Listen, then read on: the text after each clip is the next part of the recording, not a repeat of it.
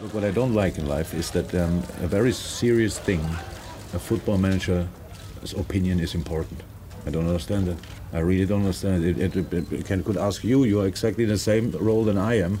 So, and it's not important what famous people, what famous people say. No, you have to. We have to speak about the things in the right manner, not people with no knowledge, like me, talking about something. People with knowledge should talk about it and should tell the people do this, do that, do this, and everything will be fine or not. Barusan adalah Jurgen Klopp. Saat ditanya pendapatnya tentang virus corona, manajer klub sepak bola Liverpool itu kesal. Klopp bilang, yang harusnya berkomentar tentang isu serius seperti COVID-19 ini adalah para ahli dengan pengetahuan dan pengalaman di bidang kesehatan. Fenomena ini dikupas secara mendalam dalam buku The Death of Expertise atau Matinya Kepakaran yang ditulis Tom Nichols. Dalam buku ini, Nichols membahas runtuhnya tembok yang membedakan ahli dan orang awam. Hari ini, mereka yang cuma bermodalkan Google, Wikipedia, dan blog post bisa mendapatkan panggung dan lebih didengarkan dari mereka yang sudah menghabiskan 10-20 tahun untuk mempelajari subjek yang sama. Matinya kepakaran juga kerap dikaitkan dengan menyebarnya berbagai hoax atau informasi tidak benar seperti gerakan bumi datar atau anti vaksin. Tentu tidak ada yang salah dengan demokratisasi pengetahuan dan partisipasi publik dalam penyebaran informasi pada kadar tertentu, bergesernya pendulum dari tempat di mana kepakaran dituhankan ke arah skeptisisme terhadap kaum elit adalah hal baik. Ini berarti ada ruang-ruang baru untuk sumber pengetahuan dari akar rumput, termasuk dari negara-negara yang normalnya bukan pemegang hegemoni ilmu pengetahuan. Yang perlu ditakutkan di sini bukan itu, tapi suatu tren makro yang mengarah pada penolakan terhadap sains, pendekatan saintifik, serta rasionalitas pada umumnya. Termasuk dalam pembuatan kebijakan publik ketika merespon terhadap krisis kesehatan hari ini. Pertanyaannya, di mana kita harus tarik suatu garis agar tetap ada akuntabilitas minimum dalam informasi yang tersebar, dan bukan malah mengenable misinformasi yang justru berbalik membahayakan kita.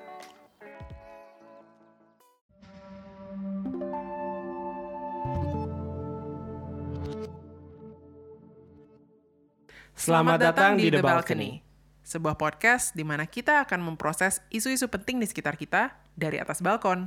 Walau kadang kami juga senang turun ke lantai dansa. Kedua pasien ini melakukan tes kesehatan hasil dari uji lab terhadap dua warga negara Indonesia ini bahwa mereka berdua ternyata positif virus corona. Kasus uh, di Indonesia mencapai angka 2.491, sementara meninggalnya bertambah menjadi 209, namun angka kesembuhannya juga semakin besar uh, di angka 192. Pasien positif virus corona meninggal dunia di Rumah Sakit Dr. Muwardi Solo, Jawa Tengah. Pihak Rumah Sakit Muwardi Solo tidak bisa memberikan data dan juga statement.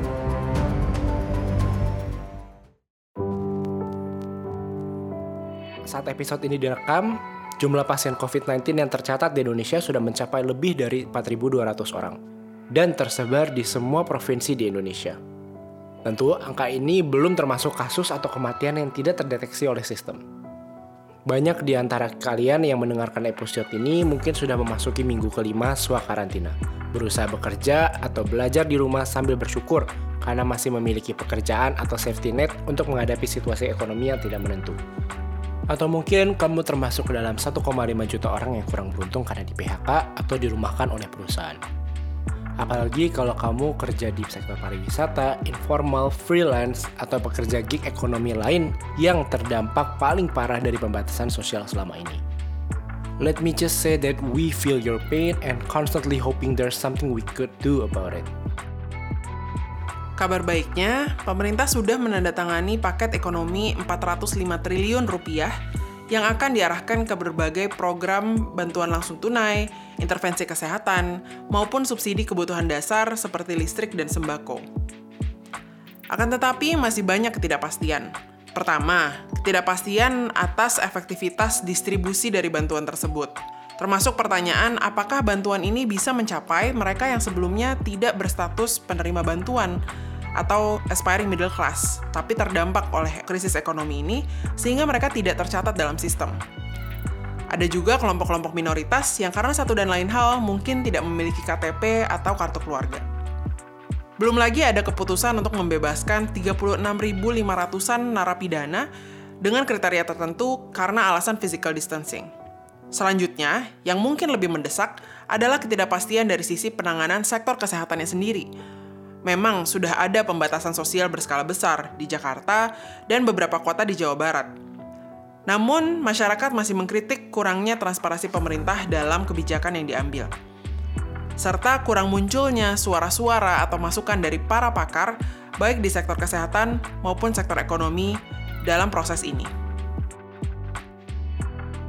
Untuk menjawab beberapa keresahan tersebut, kami menghubungi salah satu teman baik kami di Boston, Christian Suharlim. Nah, speaking of expertise, Chris punya latar belakang akademis dan profesional di sektor kesehatan publik dengan fokus di immunization, economics, dan global health system. Chris mengambil S1 di kedokteran UI dan S2 Master of Public Health di Harvard. Sekarang, Chris bekerja sebagai Senior Technical Advisor di sebuah lembaga non-profit bernama Management Sciences for Health yang bekerja dengan pemerintah dan sektor swasta untuk membangun sistem kesehatan global yang sustainable. Jadi Chris, untuk langsung aja nih masuk ke pertanyaannya. Apakah pandemi ini akan berakhir dalam waktu dekat? Kita sudah berharap nih modeling-modeling yang sudah keluar uh, berharap bulan uh, Juli Agustus itu kita sudah mulai agak agak aman agak tenang dan sudah mulai banyak cerita-cerita bahwa sekolah akan mulai lagi akan akan terbuka lagi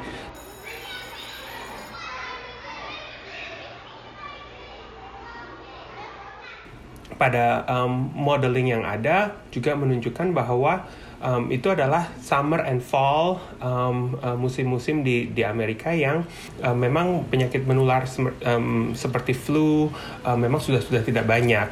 Jadi banyak variabel-variabel yang terkait yang kita sekarang boleh bilang merasa aman bahwa Agustus sudah um, sudah mulai tenang. Yes, itu di Amerika. Tapi kalau kita lihat di Australia misalkan bulan-bulan tersebut justru penyakit-penyakit penyakit seperti flu justru makin semakin banyak dan karena kekhawatirannya adalah di saat Amerika sudah uh, tenang atau the, the global north sudah mulai menurun, what about the global south? Apabila global south masih naik, nanti ini akan jadinya akan the world reservoir in which virus ini akan masih ada somewhere in the world dan dengan itu akan mengakibatkan turun naik lagi turun naik lagi.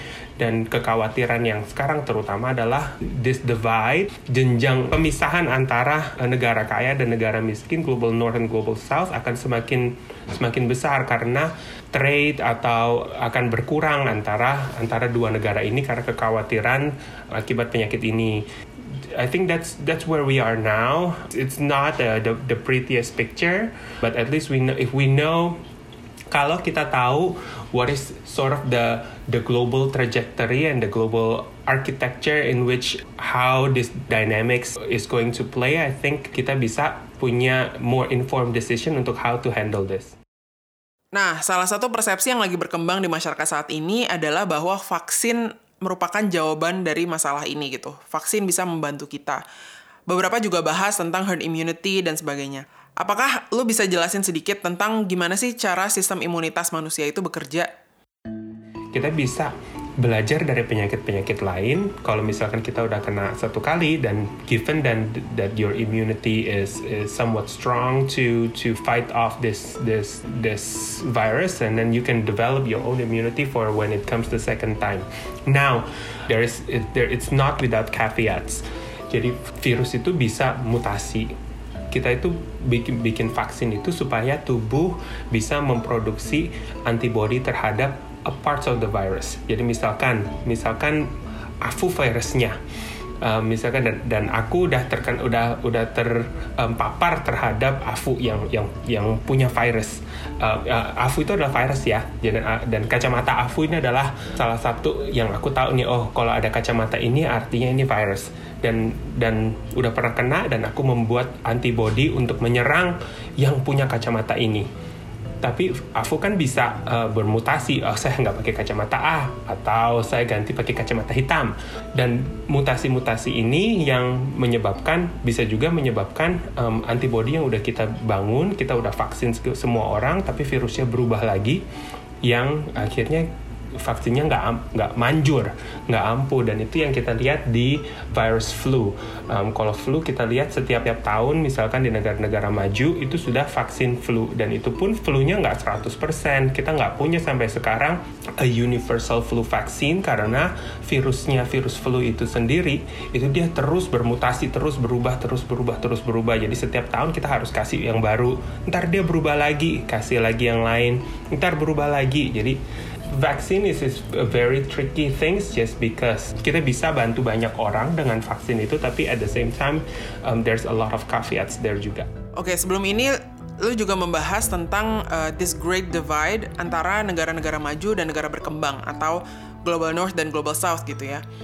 Jadi apakah pandemik ini akan memperparah kesenjangan tersebut gitu. Karena kan sebenarnya test kit maupun vaksin itu semua kayaknya diproduksi oleh negara-negara lain gitu. Apakah ini akan membuat Indonesia jadi bergantung sama negara-negara lain untuk alat-alat ini? Ya, yeah, those are really great question. Jadi kalau untuk misalkan test kit misalkan ya, kita ada ada beberapa negara yang sudah punya capacity untuk memproduksi test kit ini. Test kit itu ada beberapa macam, antigen, antibody banyak lah yang kita bisa bisa cari info dan masing-masing tipe juga ada. Apakah satu lebih akurat dan yang lain itu banyak sekali um, info-info um, yang sekarang sudah mulai beredar.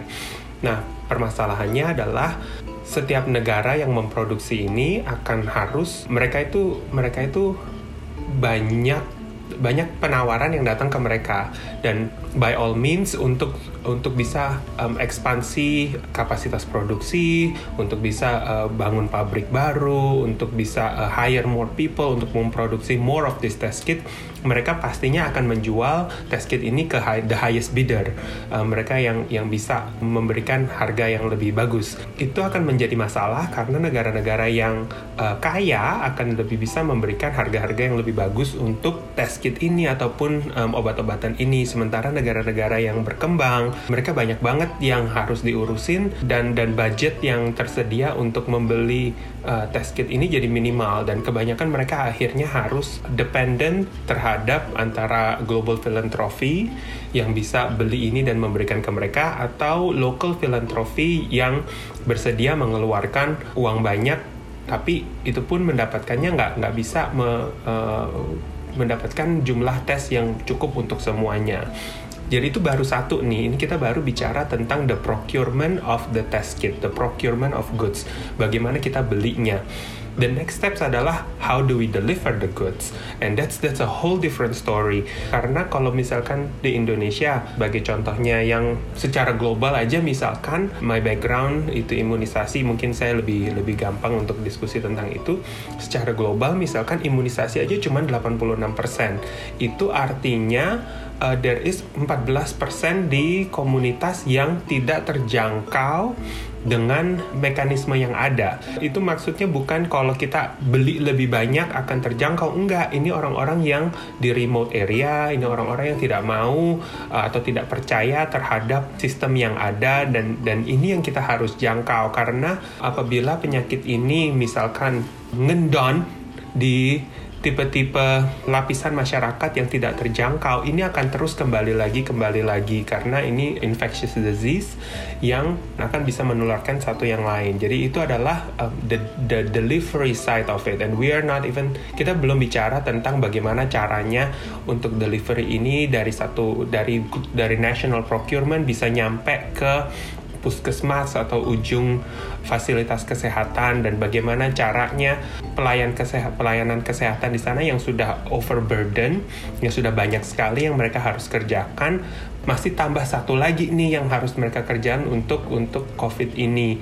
This is on top of mereka kerjaan mereka yang harus ngurusin TB, ngurusin malaria, jentik nyamuk segala macam. Semakin banyak lagi pekerjaan buat mereka dan apakah itu akan efektif kita tanda tanya. Nah ini ini baru kita bicara tentang tes kit nih dan tes ini tidak bisa satu kali tes dan sudah pulang dan tenang karena kalau misalkan tesnya uh, antigen. Antigen itu melihat apakah ada virusnya atau tidak di kita. Misalkan kita uh, ngetes nih, oh Afu dan Chris dan Wikan uh, tiga-tiganya virus free, bukan berarti sudah tenang dan uh, selamanya akan kebal. Oh tidak, karena Afu dan Wikan dan Chris masih muter-muter lah jalan-jalan atau uh, mungkin social distancingnya kurang. Dan mungkin dalam satu minggu dua minggu lagi uh, pernyataan virus free itu bisa berubah dan kita butuh tes lagi. Jadi tes ini tidak cuma satu kali tapi harus berkali-kali. Sama juga dengan tes imunitas ini karena tes imunitas tes antibody tidak langsung muncul ke, uh, apabila seseorang terkena penyakit itu masih ada membutuhkan waktu beberapa minggu kadang beberapa bulan baru tes antibodinya akan positif. Jadinya perlu dites berulang-ulang-ulang. Bayangkan imunisasi aja yang satu ketemu anak disuntik langsung pergi itu aja nggak nggak bisa 100% gimana dengan tipe tes ini yang harus berulang-ulang-ulang-ulang-ulang akhirnya itu permasalahan dari delivery. Jadi ada dua dua sisi di sini. Pertama global procurement yang kita udah susah terutama di global south developing countries ya. Kita udah susah untuk bisa kompetitif uh, membeli test kit ini. Dan kedua adalah uh, the delivery itself dan ini tidak cuman untuk test kit. Nanti kita kalau punya vaksin we don't know yet. This is a, a whole different story whether we'll, we'll ever gonna get a vaccine. Tapi kalaupun ada pun vaksin, permasalahan ini akan muncul lagi karena nanti mungkin cuma satu dua uh, company yang bisa yang bisa produksi vaksin. Sebagai contoh, kita sekarang kalau nggak salah ada 30 sekian company yang mulai mulai start the race into developing the, the vaccine. Kemungkinan cuma satu atau dua if any yang akan nyampe ke the, the finish line dan ini akan ada muncul lagi permasalahan yang sama mengenai the global procurement, what is their capacity, uh, bagaimana caranya mereka bisa bikin vaksin sebanyak mungkin dan bagaimana siapa yang bisa membelinya dan um, the whole situation is uh, our barriers permasalahan-permasalahan yang ada mengenai uh, tidak tidak mampu beli atau tidak mampu, sudah bisa beli tapi tidak nyampe ke ke masyarakat yang membutuhkan itu akan masih ada lagi. Uh, Oke, okay. tapi kan kita sebenarnya udah pernah melalui pandemi sebelumnya. Jadi pertanyaannya mungkin apa sih yang beda hari ini gitu? Kenapa kita tidak bisa mengantisipasi dari sisi kebijakan publik uh, pandemi ini gitu dan bagaimana kita meresponnya? Waktu di awal-awal kasus bahkan pemerintah kan masih santai gitu. Apakah ada semacam handbook of pandemics gitu yang menunjukkan atau menjadi semacam guidebook apa yang harus dilakukan pada titik apa gitu? Every pandemic is different. It's very easy for us to say like oh you've learned you can learn something from the past and then and then just replicate that over and over kayaknya nggak nggak segitu juga karena banyak tentang virus ini yang kita nggak tahu pada pada awal-awal. Bedain dengan SARS yang orang begitu begitu kena satu hari dua hari langsung kelihatan um, ini orang sakit langsung antara masuk rumah sakit atau langsung meninggal. So it's easy to contain. Sementara virus ini lu bisa jalan-jalan dua minggu nyebarin ke orang-orang ke orang-orang terdekat lu tanpa tahu bahwa kamu punya punya penyakitnya. Dan itu agak beda ya dengan yang dengan pelajaran yang waktu kita dapat waktu SARS misalkan. Jadi walaupun ada handbook ataupun any kind of emergency preparedness it's important but it has to be adapted untuk masalah-masalah um, baru. Dan masalah-masalah ini biasa satu dan yang lain itu tidak nggak nggak selalu sama. Pada saat itu perspektifnya adalah kita nggak tahu nih akan ini akan menjadi sebesar ini kita tahu this is this is something new. There's there's a lot of um, unconfirmed reports happening every single day yang tidak ada hubungannya dengan dengan COVID-19 ya kan misalkan di Indonesia um, kita kalau di tinggal di di remote islands banyak orang meninggal karena sesak nafas Nah itu itu gimana tuh? Apa itu pneumonia? Apakah itu COVID related? Apakah itu virus baru? Kan nggak ada yang tahu. Hal-hal seperti ini itu terjadi on every single day dan kita pada saat itu belum ada tuh label COVID-19, belum ada label bahwa this is a new, the new pandemic. Jadi semua orang, semua negara berusaha untuk balance. Is this something that um, normal that we just don't know? oh this is the next big thing that we should have anticipated for. I think the good things for Singapore is they're, they're mereka ngambil uh, jalan yang kedua dan belajar dari SARS, tidak mau itu terulang um, dan mereka langsung uh, gercep langsung gerak cepat untuk tutup semuanya. Kita melihat trennya ya di Amerika Serikat maupun di Indonesia kayaknya agak-agak mirip gitu di mana Trump di awal-awal kerap tetap merasa oh ini santai ini santai gitu. Dan sama di Indonesia juga seperti itu. Uh, in your line of work right I think you also provide recommendations to the government gitu. So how does that work gitu? Apakah pemerintah biasanya langsung menerima atau tidak? Dan apa yang seharusnya how should we think about this kita sebagai sebagai scientist pengennya kayak oh hey this is an issue dan kita mau government langsung tackle the the thing is we don't know what's happening on the on behind the scene and I think mungkin sebagai masyarakat it's a lot easier to point fingers and it is a little bit harder to understand what is the the full picture and apa sih yang mereka lagi kerjain sebenarnya untuk mengenai ini. Right, tentu pemerintah nggak mau menciptakan kepanikan gitu ya. Tapi pada saat bersamaan ada banyak yang mungkin berpendapat cara pemerintah menghandle situasi ini, kalaupun itu PR di depan layar gitu ya, itu juga nggak efektif gitu. Karena yang ada masyarakat sebagian merasa bahwa kok pemerintah tidak melakukan apa-apa, which also can create panic, right? Gitu. Jadi sebenarnya apa sebenarnya yang harusnya pemerintah lakukan? I agree, and and I think um, every leadership have their own styles, and unfortunately, the one that's um, on the media right now is the styles that many of us have opinions about. I think there are there are styles that that are probably more um, palatable. So, for example, the the governor of New York, um, when he doesn't know, he says, "I don't know, I don't know." And uh, will do we need more ventilators? Yes. Is it is 10000 going to be enough? I don't know. So i think that that kind of there are different styles. While that might have implication on whether people becomes even more panic or not panic i think that's that's beyond the scope of what what my expertise is. But at this at the same point just wanted to to highlight that there's one thing that's happening in front of the camera and there's another thing that's happening on the background. And and for example the uh, america while walaupun di depan kamera nasty banget sih ini. Donald Trump kayaknya cuma menggampangkan segala macam. Tapi di di balik kamera juga ada um, penanganan-penanganan terutama yang kasus-kasus awal um, di Washington State um, untuk masalah di uh, kapal pesiar itu yang uh, cruise ship. The, the front of the camera is um, the style is is not perfect of course but at the same time what we're I think from the health point of view is to make sure that they're actually doing what they can do to manage the situation and and I think only cuman orang-orang yang yang di dalam yang bisa bisa menjalankan yang bisa ngerti what is the the whole picture and I think that's why um, um, I think for for me as an ex, as a as a person in public health, I think I'm just glad that we have um, Dr. Fauci and Dr. Birx, the program task force-nya um, White House right now. At, at least there's some voice of reason um, in there and, and, and adding in the, the, the complexity from the health point of view.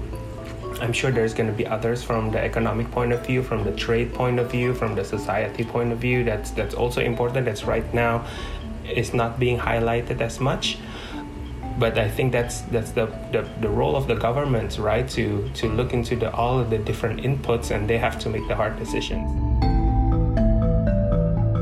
Um, I would invite probably innovators in Indonesia and also globally to think about some locally available, readily uh, some locally sourced, um, readily available solutions yang bisa scalable within the country without relying on on on outside resources. And sebagai contoh, kalau kita bilang um, testing, the the test kit would require outside um, resources. But if you're thinking about a smart algorithm, for example, or or location um, location tracking, any kind of um, a solution that can be implemented uh, within the country uh, would be helpful. Another one would be if if you are thinking about um, ventilators, if if buying more or producing more ventilators is not possible, what about a 3D printed ventilators uh, splitter yang satu ventilator sekarang bisa bantu dua orang atau tiga orang, for example, yang bisa di 3D printed in house.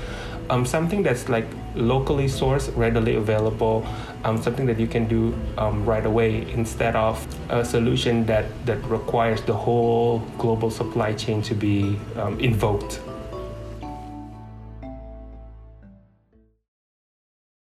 Alright, Chris. Um, thank you very much for your time. Uh, makasih juga untuk para pekerja kesehatan yang seperti Chris yang selalu jadi kayak di frontline dalam peperangan masa-masa krisis kayak gini. Oke, sekarang kita masuk ke bagian favorit gue. Cie. Nggak sih, biasa aja. Oke, kita masuk ke dalam bagian favorit gue yaitu kita di briefing. Uh, kebetulan karena kita tadi udah interview Chris dan kita ngomongin uh, berita dan segala macam, ya pasti kita ngomongin sekarang kita ngomongin tentang COVID. Dan karena ini the balcony, jadi kita seperti biasanya kita akan gue dan Afu akan mencoba mencari teori dan mencari kerangka berpikir yang relevan untuk kita ngomongin COVID ini. So, uh, Afu, what do you think about what Chris said about this COVID-19 pandemic thing? Everything it is. Aku sebenarnya agak kaget karena Chris kayaknya lumayan optimis gitu. Right. Tentang uh, bahwa sebenarnya para pakar atau para ahli itu masih kok didengerin oleh pemerintah. Cuma dari yang Chris bilang intinya ada proses balik layar dan proses ba- depan layar gitu kan di mana bisa jadi apa yang pemerintah lakuin itu memang suatu bentuk strategi politik atau strategi komunikasi, tapi sebenarnya para pakar-pakar, para ahli-ahli ini tetap ada di Kementerian Kesehatan. Kalau di kasusnya Chris tadi dia bilang di White House kan ada task force yang ngurusin ini. Para pakar-pakar itu masih sebenarnya berperan lah dalam proses ini gitu. Cuma yang kadang-kadang aku bingung dan it's not helping what the government is doing right now. Apa ya, kadang-kadang tuh strategi komunikasi kayak uh, Pak Menteri Terawan di awal-awal itu ada yang ngomongin apalah jamu lah, terus ada duta besar corona lah atau bukan duta besar apa sih? Ya gitulah yang militer diangkat sebagai duta corona segala macam.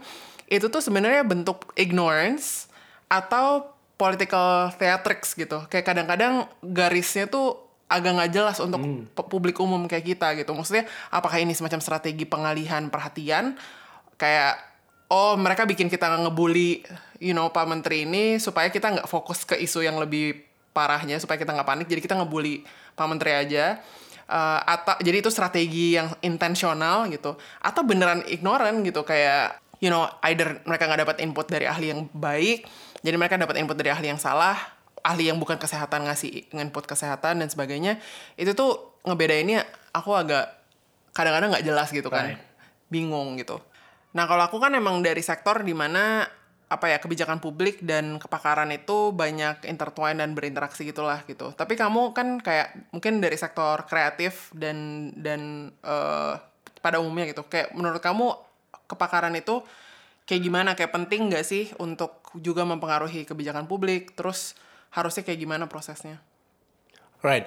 Kalau menurut aku, aku balik lagi kayak ada video Dustin yang bagaimana dia waktu itu interview Barack Obama, which is menarik banget buat aku. Kayak dia ngomongin kayak kalau misalkan Barack Obama nggak ngerti apa isunya, apa yang dia lakukan itu. Which Barack Obama waktu itu bilang, Obama waktu itu bilang dengan dengan dengan very bluntly ngomong kalau banyak banget hal yang gue nggak tahu, tapi yang pasti gue selalu ngajak semua orang yang apa namanya semua orang yang ahli itu untuk uh, questioning about apa yang gue tahu dan itu akan terus tektokannya terus-terusan gitu. Which is itu harusnya kan seperti itu kan ya. Dan menurut aku yang kalau kamu nanya what do you think about kepakaran ya menurut aku kepakaran itu penting karena menurut aku kepakaran itu itu kayak the the defense bukan defense ya kayak defense system sebelum kamu apa namanya kayak di defense system kayak kayak sesuatu untuk kayak mem, filter. kayak filter atau menanyakan diri kamu sendiri hmm. gitu kan kayak apakah apa yang gue gue lakukan ini benar dan apa segala macam dan harusnya memang seperti itu gitu dan menurut aku sama kayak kalau dalam space yang aku selalu ikutin biasanya kalau kamu menemukan suatu kayak oh, ini ada ini gitu. Mereka akan menanyakan sampai 5 sampai 10 orang do you think this is right? Do you think the mathematics is right? Do you think ini? Sampai ditanya ke superkomputer balik lagi dan segala macam. Jadi kejadian kayak kemarin aku sebagai orang awam gitu aku agak deg-degan sih karena orang expert-expert tentang pandemik yang datang ke Indonesia mau bantuin tapi pemerintah Indonesia pasti ah enggak nggak mau nggak apa-apa it's okay Indonesia bisa dan segala macam gitu. Itu yang bikin aku malah jadi concern sih Ya, maksudnya kita tentu tetap mau mengandalkan kepakaran domestik juga hmm. karena pasti banyak juga ahli domestik gitu kan tapi harusnya tidak menutup diri terhadap uh, tambahan informasi juga meskipun itu datangnya dari luar mungkin gitu. Hmm. Terus kalau dari yang kamu lihat juga ngomongin kepakaran nih, kayaknya ada banyak kan apa uh, ahli-ahli baru yang hmm. tiba-tiba muncul dan bikin berbagai macam konten video termasuk kita jangan-jangan dalam podcast ini uh, tentang COVID gitu. Nah itu ada apa namanya kayak contoh-contoh pengalaman yang kamu nggak suka atau apa di mana orang so ahli gitu nggak? Oh kalau kita sih ahli banget ya. Kita ahli banget. Sampai aja bikin podcast aja Kita harus belajar seminggu dulu. Anyway Sering banget kejadian kayak gitu. Gue orangnya termasuk orang yang Kayak kalau gue gak tahu Gue lebih baik diem. Uh, Atau kalau ada orang yang Lebih tahu daripada gue Gue selalu nanya. Dan if it make, makes me look idiot gitu kayak pertanyaannya pertanyaan goblok gitu. Tapi at least aku beneran tahu basicnya dulu dan segala macam. Nah sering banget kejadian banget tuh yang kayak kayak WhatsApp uh, blast tiba-tiba ada orang terus ada temen yang kayak ngerasa tahu oh baru baca satu artikel doang gitu kan. Satu artikel langsung kayak iya ini tuh kayak gini ini karena panas segala macam kadang-kadang aku sampai ke trigger aku sering ngomong kayak misalkan lo virologis bukan? Gitu. Kalau lo nggak tahu virologis gak usah ngomong gitu. Kayak aku jahat sih. Tapi kadang-kadang masalahnya kalau ngomong personal ke aku dan kita saling banter-banteran gitu I think it's okay gitu kan. Tapi ini masalah in the group kayak WhatsApp group atau kayak sosial pertemuan sosial gitu yang orang lain denger gitu. Dan aku kan nggak tahu kayak batas orang uh, sepercaya apa. Karena ada orang kayak oh gitu ya gitu ya. Yang kayak bener-bener seberapa polos orang itu kan kita nggak tahu. Jadi kadang-kadang aku kayak berusaha jangan sampai orang polos itu jadi kayak nerima apa yang dibilang yang belum tentu benar aku nggak bilang itu salah tapi belum tentu benar terus jadi domino efek ke mana-mana gitu Iya, dan kadang-kadang bingung juga ya karena bisa jadi ada orang-orang yang maksudnya ketika mereka nyebarin informasi yang belum terverifikasi itu mereka sebenarnya niatnya baik kan. Right. Maksudnya you know they receive this new information, they forwarded it karena oh ini kayaknya bisa helpful buat orang lain gitu. Jadi sebenarnya niatnya positif gitu. Tapi kalau yang aku lihat sih ini ngomongin balik ke bukunya Tom Nichols tadi ya tentang matinya kepakaran kan sebenarnya ini cerita-cerita anekdot yang pada skala global dan skala makronya emang ada tren ke arah kayak orang tuh nggak mau dengerin uh, para pakar lagi yang kesannya mungkin elitis gitu. Karena to some extent mungkin ini adalah ngegambarnya sebagai pendulum gitu ya pendulum kayak pindah dari kanan ke kiri gitu. Ini pindah pendulum dari yang tadinya kayak expert itu yang selalu mendominasi sumber informasi itu cuma dipegang oleh sedikit orang gitu. Kayak ada kelompok elit yang memiliki pengetahuan yang jadi sumber uh, informasi gitu. Dan mungkin yang masyarakat pada umumnya tuh ilfeel. Jadi maksudnya kita kayak capek banget dengan para elitis yang mendikte cara hidup yang benar gitu. Terus belum lagi dulu-dulu tuh banyak abuse juga yang dilakukan oleh para pakar gitu di mana mereka menyembunyikan informasi. Mereka para pakar ini ada di perusahaan yang punya interest gitu kayak uh, kalau kamu nonton dokumenter tentang smoking kayak informasi tentang smoking yang causing cancer dan segala macam itu kan ada informasi-informasi yang disembunyikan dari masyarakat karena kapitalisme ya karena kepentingan-kepentingan bisnis dan sebagainya gitu. Jadi ini tuh kayak pendulumnya bergeser, orang-orang udah ilfeel kayak ah udah gue nggak mau lagi sumber informasi itu cuma segelintir kelompok elitis. Makanya you know some people just like take it to their hands dan mereka malah jadi nggak percaya jadi ada mistrust terhadap pakar gitu mereka malah lebih percaya artikel random yang belum terverifikasi dari blog post karena eh, you know it comes from real people so it must be maksudnya jadi sumber-sumber ilmu pengetahuan baru ini jadi valid juga. Yang seperti yang kita bahas di opening awal itu ada baiknya ada buruknya. Maksudnya baiknya kita ngebuka informasi dari akar rumput gitu ya. Banyak yang bisa come up dengan their own uh, knowledge dan gak harus kayak oh pengetahuan yang legit itu harus dari barat harus datang dari paper yang ditulis orang kulit putih atau sebagainya. Kan itu kayak democratizing knowledge kan which is good. Tapi ketika masuk juga ada space-space untuk yang informasi salah kayak ya itu kayak anti anti vaksin atau apalah bumi datar atau apa yang kayak apalagi pas politik itu kayak udah random banget informasi. Nah, itu tuh gimana kita tetap nge-keep ilmu pengetahuan yang akuntabel gitu kan permasalahannya. Belum lagi kalau misalnya informasi yang salah itu cuma buat diri dia sendiri, misalnya dia mau percaya kayak kayak su- suatu agama, eh gue mau percaya bumi datar atau itu mungkin masih ya udahlah terserah dia aja dia ngurusin sendiri mau percaya apa. Tapi ketika like global public goods depend on the truth, ketika apa kebenaran itu bisa mempengaruhi situasi global gitu secara besar kayak pandemi ini, itu kan jadi tanggung jawabnya lebih besar lagi gitu. Apalah misalnya physical distancing nggak terlalu penting gitu karena ya ini kan karena matinya Beneran. kepakaran gitu. Nggak, tapi intinya orang yang nggak ngedengerin kepakaran, padahal dia itu bisa jadi carrier virus ke orang se- selanjutnya gitu kan. Itu kan jadi bukan tentang diri dia sendiri egois. Eh sorry, ini bukan tentang diri dia sendiri mau meninggal atau enggak, tapi tentang dia mempengaruhi orang lain gitu dan global public goods. Termasuk kayak sorry ini this is spiraling into other example tapi kayak climate change misalnya. Karena kalaupun apa ya misalnya ada orang yang nggak setuju ngerasa oh climate change is a hoax coming from China to sell their products atau apa yang pokoknya this all whole mistruth gitu. Padahal sementara 97% uh, scientist apa climate scientist itu udah sepakat bahwa kegiatan manusia itu uh, mempengaruhi climate change.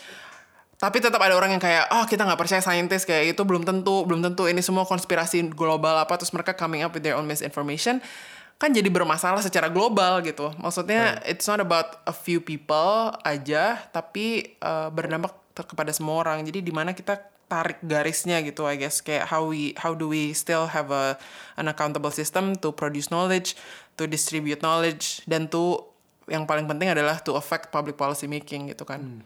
Tapi ini menarik ya. Ini sebenarnya bukan hanya sains tapi dalam agama pun juga loh. Kayak ada orang yang beneran ahli agama udah ngomongin kayak misalnya kalau kita ngomongin so, kayak udah sholat Jumat Hmm, di rumah aja gitu. nggak usah nggak apa-apa. Ini udah orang ahli loh MUI yang ngomong terus ustadz-ustadz segala macam yang udah hadisnya. Iya udah ada hadisnya orang yang kayak belajar teologi sampai kayak puluhan tahun dan segala macam tapi orang-orang kayak masyarakat masyarakat biasa kayak kemarin aku sedih banget kayak sampai masjid dilemparin batu karena ngelar, dila- dia ngelarang orang-orang sholat di situ gitu kan itu jadi masalah juga sih nah jadi aku tuh sekarang lagi sering banget memperhatikan gitu di sosial media bagaimana sekarang sosial media tuh kamu bikin akun tuh gampang banget dan gak perlu verifikasi kamu itu siapa dan segala macam gitu dan sering banget mereka tuh kayak gini eh, bikin sebuah klaim lalu apa namanya dia nulis segala macam dan paling parahnya kadang-kadang mereka mengkutip apa namanya paper beneran tapi salah kutip gitu loh. Dia hanya mengkutip satu kalimat tapi tidak mengkutip selalu paragraf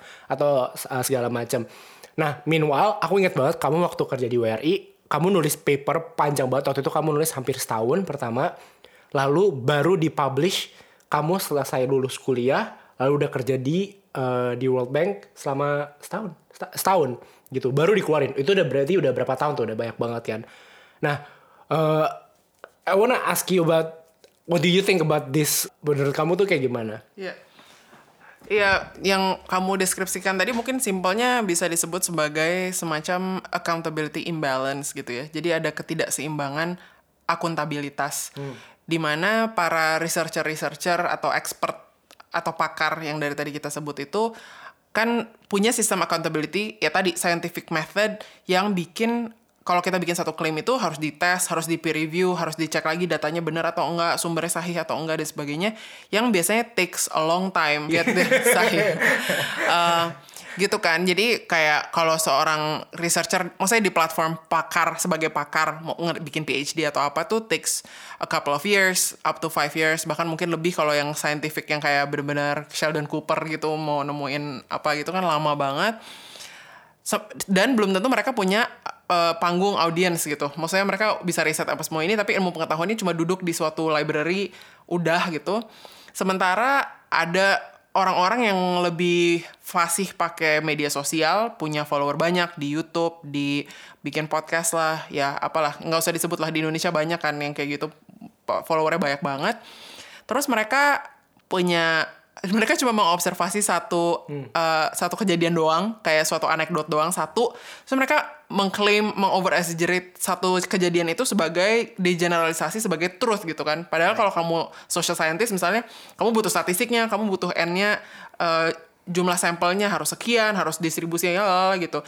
Sementara dia ngomongin kayak oh ya kemarin tuh ada kejadian ini si nenek-nenek ini ngelakuin ini terus dia jadi ini tuh truth gitu. Terus semua orang Cocok logi gitu ya. Iya kayak cocok logi exactly terus kayak semua orang lebih mendengarkan itu misalnya atau kadang-kadang misalnya dia nge-quote-nya atau mensitasinya dari uh, blog post doang gitu. Kan dalam setahun tuh mungkin yang diproduksi bisa ratus ribuan gitu ya. Sementara jurnal dalam setahun mungkin a couple hundred gitu atau mungkin less aku nggak tahu. Tapi intinya produksi informasinya tuh kecepatannya beda, kualitasnya beda, tapi pada saat yang bersamaan audiensnya lebih mendengar yang yang tadi itu yang diproduksi dengan cepat gitu kan. Di tahun 2000 itu ada apa ya paper atau riset yang menang Nobel Prize eh, yang membahas tentang eh, kalau misalnya kalian pernah dengar Dunning-Kruger uh, curve atau Dunning-Kruger effect gitu. Di mana intinya ketika kamu baru sedikit, jadi kalian bisa Google dan lihat grafisnya sendiri. Tapi intinya ketika kita baru belajar hal baru sedikit, biasanya kita merasa paling pintar sedunia gitu. Tapi orang yang justru belajar hal yang sama udah lama, misalnya udah belajar hal yang sama lima tahun, 10 tahun, mereka justru lebih memahami tentang keterbatasan pengetahuan mereka karena mereka udah belajar so much that they know there are so many things yang mereka belum tahu gitu. Right. Jadi mereka tahu bahwa mereka cuma tahu sedikit. Sedangkan kalau orang yang baru belajar sedikit, ngerasanya mereka tahu banyak tentang hal yang sedikit itu. Make sense gak sih? Hmm. Yeah. Hmm. Itu tuh kayak tapi menarik. Um, balik lagi uh, menurut aku berarti sama kayak um, kayak OKB ya. Mereka pakai emas, pakai kalung. Kalau oh kalau beli casing iPhone harus ada lubang lubang apa namanya Apple-nya bolong gitu nunjukin kalau Hai gue baru beli iPhone loh itu tuh biasa orang kayak gitu. Meanwhile aku punya temen gitu kan yang you know like rumahnya itu kayak ada ATM cuy ada helipad, ada ATM, they have their uh, she has her own Starbucks.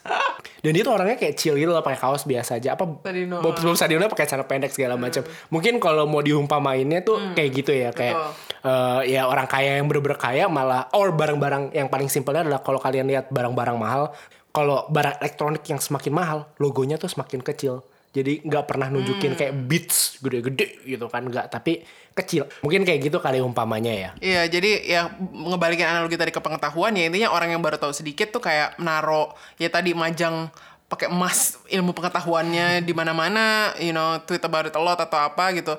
Yang ya itu lagi-lagi aku tuh suka bingung karena itu semua kan proses ya sebenarnya aku ngerasa. Kadang-kadang aku bingung juga kan karena ketika kamu berada di dalam kurva Dunning Kruger itu kamu nggak tahu. That's kind hmm. of the the ya yeah, thinking fast and slow part of this gitu kan. Kayak karena ketika kamu baru belajar sesuatu of course kayak aku baru baca buku biasanya excited terus pengen talk about it a lot. Mungkin tuh sama extent aku Dunning Kruger ketika aku banyak bahas tentang Daniel Kahneman gitu kan.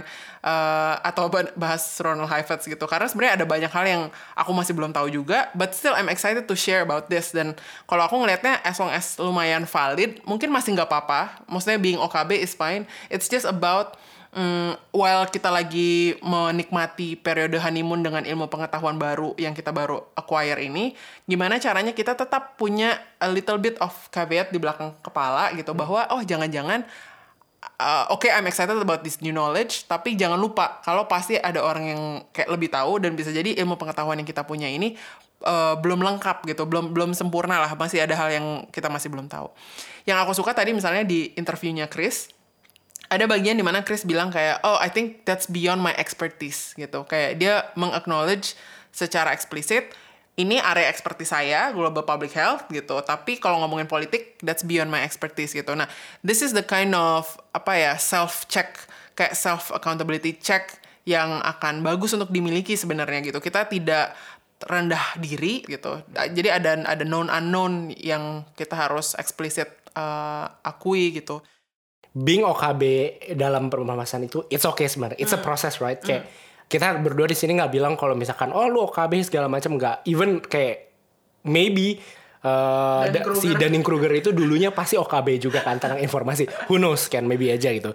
Cuman uh, balik lagi kita harus punya self kayak filter hmm. gitu di mana kalau selalu berpikir kalau kamu mempelajari sebuah informasi baru mungkin bisa dilatih kayak uh, melatih diri kalau misalkan ada lagi di publik atau apa gitu untuk bilang kayak oh di ruangan ini meskipun gue nggak kenal banyak orang ini pasti ada orang yang lebih tahu daripada gue hmm. karena aku punya pengalaman kayak gitu loh kayak soal film kayak misalkan aku nggak bilang aku ekspertis film gitu kan jadi waktu aku ada orang kayak ngomong kayak oh iya bikin film itu gampang kayak editing cuma cut gitu terus kayak aku di situ ya kayak gue oh gampang oke okay. hmm oke okay, gitu menurut lo terus pas aku kasih pertanyaan gitu lo pakai aplikasi apa simple ini simple kayak gue masih pakai iMovie sih gitu kayak uh, aku dalam hati aku aku yang bing sombong. sombong dalam hati untungnya aku gak ngomong yang langsung gitu kayak my god iMovie tuh kayak cuman like only 5% dari semua yang apa yang lo bisa lakukan misalkan di DaVinci Resolve atau Premiere Pro gitu. Kayak sebenarnya simpelnya adalah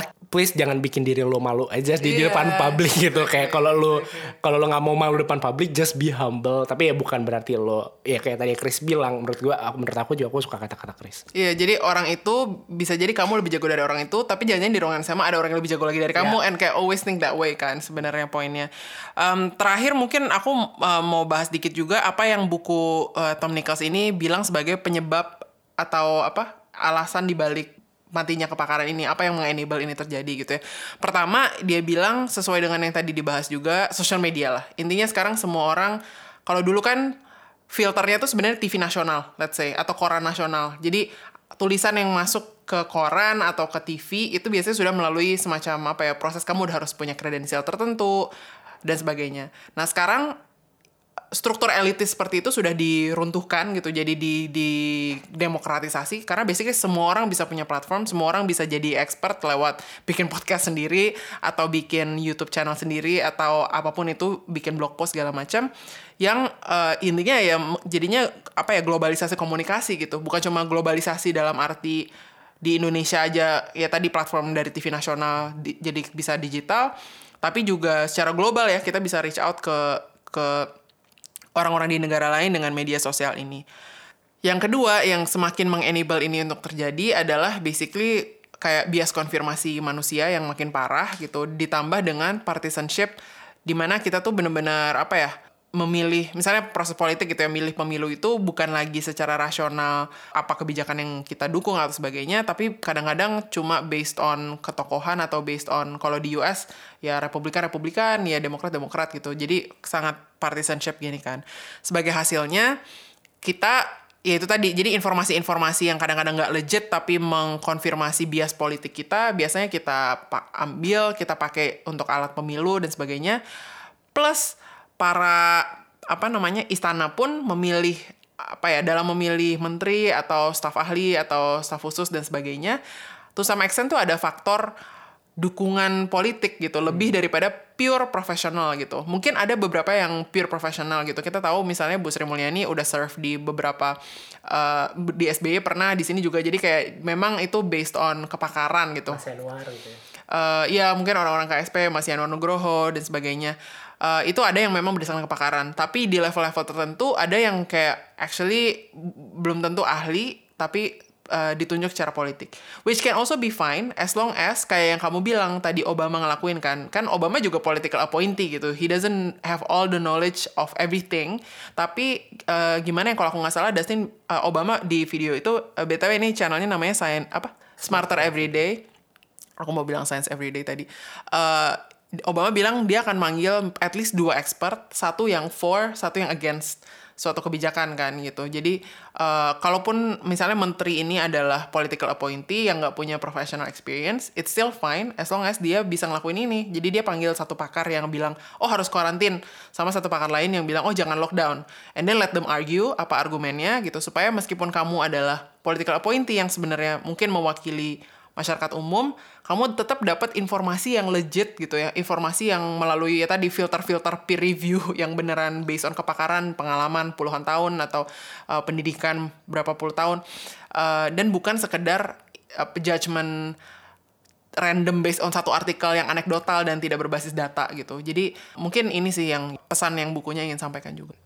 Oke, aku ada pertanyaan. Dari tadi kan kita ngomongin tentang bagaimana kebanyakan orang sekarang kayak asal quote atau blog blogspot dan segala macam. I think it's really important untuk kamu kasih tahu mungkin website atau apa yang bisa kamu baca kayak artikel beneran apa apa peer review yang beneran itu. Karena menurut aku orang-orang yang dengerin podcast sekarang kayaknya butuh juga nih kalau kalian kalian bisa juga vigilant kalau misalkan ada orang kayak kita nggak bisa satu arah doang tapi bisa dua arah. Kalau misalkan ada orang oh sabun bisa menghilangkan corona gitu. Misalkan kita bisa kayak counterpoint gitu kayak counter argumen kalau misalkan itu dan at least kita bisa kasih amunisi gitu. Nah menurut kamu ada website atau tempat-tempat yang bisa kita cari untuk artikel atau itu nggak? Iya, kalau misalnya yang pasti sih pertama news agency atau news organization yang udah established ya gitu. Karena harusnya mereka punya filter tersebut. Maksudnya ini kayak The Guardian atau harusnya CNN, ya New York Times. Intinya organisasi berita yang udah punya struktur kayak editor dan fact checker apa segala macam gitu yang bikin informasi di sana legit. Dan ini kurang lebih ya emang based on inilah kamu bisa lihat lah artikelnya sumber websitenya dari mana. Kalau untuk news, nah kalau di Indonesia sebenarnya ada website yang aku suka banget. Ini dia memang um, pengen jadi jembatan terhadap ilmu pengetahuan yang saintifik yang paper jurnal yang gak ada yang mau baca itu dengan masyarakat umumnya. Namanya The Conversation. Jadi kalau mau lihat, jadi The Conversation ini sebenarnya nggak di Indonesia doang, tapi yang di Indonesia juga artikelnya bagus-bagus banget. Jadi biasanya dia bahas tentang apa ya riset uh, PhD orang atau apa, tapi dia buat dengan bahasa artikel yang singkat gitu. Uh. Karena emang nggak bisa dipungkiri kalaupun itu jurnal kayak tebel, maksudnya artikel atau ya paper 20 halaman, 30 halaman, mungkin orang nggak ada waktu buat baca ya gitu. Nah, nah, jadi platform kayak The Conversation ini, atau ya podcast-podcast yang mungkin membantu juga membahas uh, hal-hal saintifik itu bisa menarik. Oh, sama kalau di Instagram ada at jadi gini underscore, itu juga mereka bikin infografis based on journal paper gitu. Itu that's very good.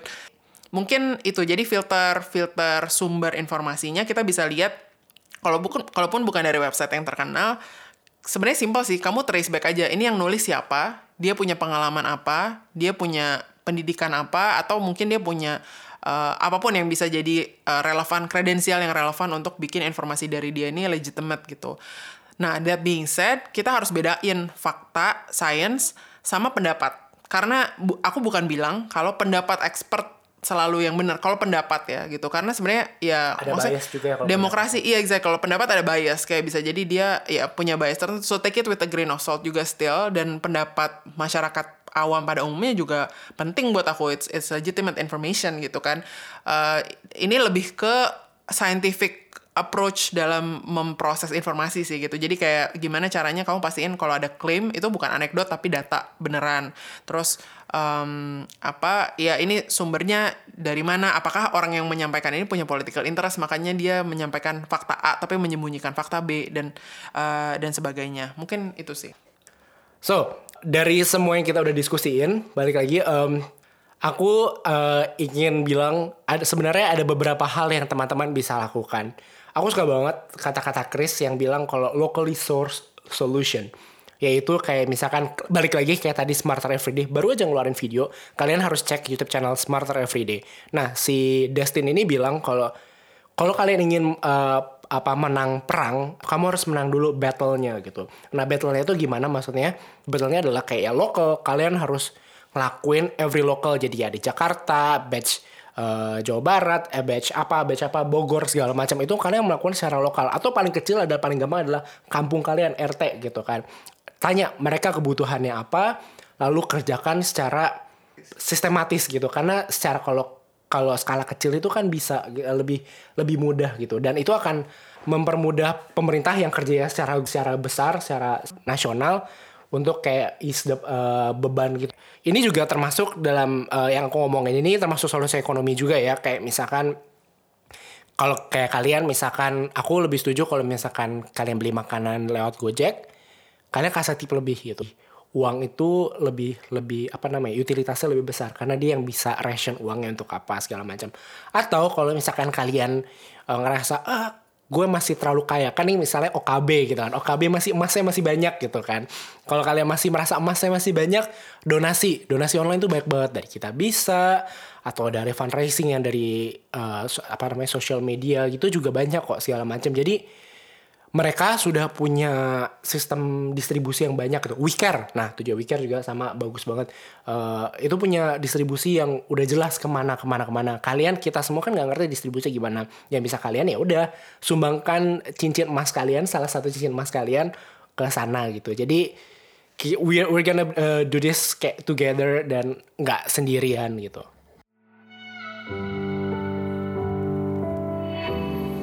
Iya, dan mungkin yang kedua yang berkaitan sama topik matinya kepakaran adalah put on a filter. Intinya sih itu. Dan filter ini both uh, self filter. Jadi ketika kita sendiri menyampaikan informasi, acknowledging bahwa ada banyak mungkin pengetahuan yang kita ketahui, tapi juga banyak yang belum kita ketahui. So how do we communicate that better? Apakah kayak oh yang gue tahu sih ini gitu, tapi mungkin ada sumber lain gitu. Jadi be open to new input of information.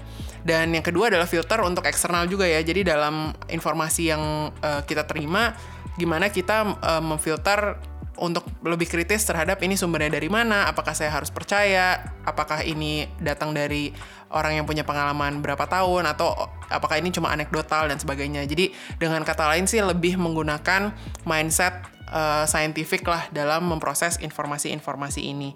Jadi gimana caranya kita membalance antara uh, tadi sumber-sumber ekspertis ini dengan kalau memang tetap butuh misalnya kadang-kadang kayak oh mau bikin acara harus ngundang orang yang punya audiens tapi belum tentu belum tentu expert gitu kan. Gimana caranya balancing itulah. Jadi ada ada narasumber yang lebih aksesibel tapi ada yang benar-benar expert dan how do you bridge these two worlds tadi udah disebutin juga beberapa website atau uh, apa akun-akun Instagram yang bisa dicek untuk jadi uh, sumber-sumber uh, ini untuk mengakses informasi yang lebih berdasarkan kepakaran.